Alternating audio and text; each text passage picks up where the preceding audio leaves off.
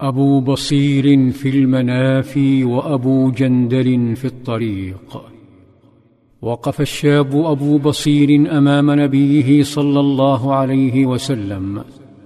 وقف وأنفاسه تفوح موتا فقال يا نبي الله قد والله أوفى الله ذمتك.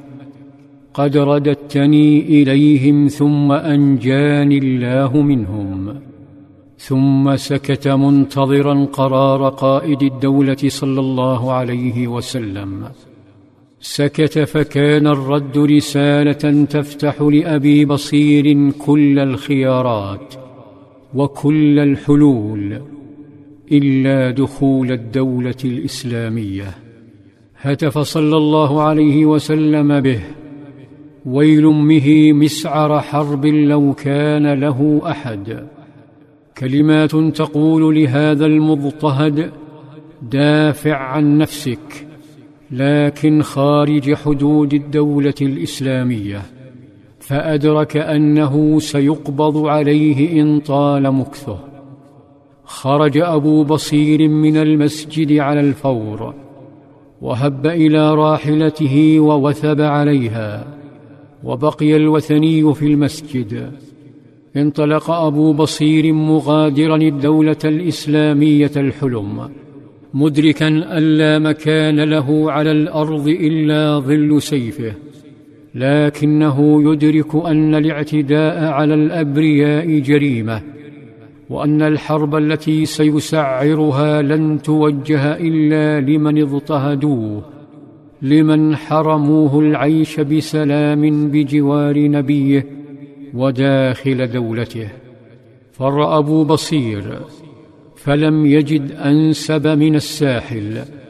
اما طواغيت مكه فغلوا غضبا مما جرى. وتسرب خبر ابي بصير لابي جندل بن سهيل بن عمرو وهو في زنزانته. فقرر التخطيط للهرب مره أخرى ونجح. فلم يتجه إلى الدولة الإسلامية بل أخذ يتحسس أخبار أبي بصير. كان متخفيا يسأل ويسأل حتى علم أنه على سيف البحر. فانطلق يذرع المكان حتى التقى به. وهناك بدأ التخطيط لتحويل هذا الساحل إلى كابوس كالجحيم. يحرق طواغيت قريش وحدهم. يقول ابن الأكوع فجعل لا يخرج من قريش رجل قد أسلم إلا لحق بأبي بصير حتى اجتمعت منهم عصابة. فوالله ما يسمعون بعير خرجت لقريش إلى الشام إلا اعترضوا لها. فقتلوهم وأخذوا أموالهم وتركوا لقريش النواح والندم على تلك الشروط التي زرعت في طريق هؤلاء الأسود.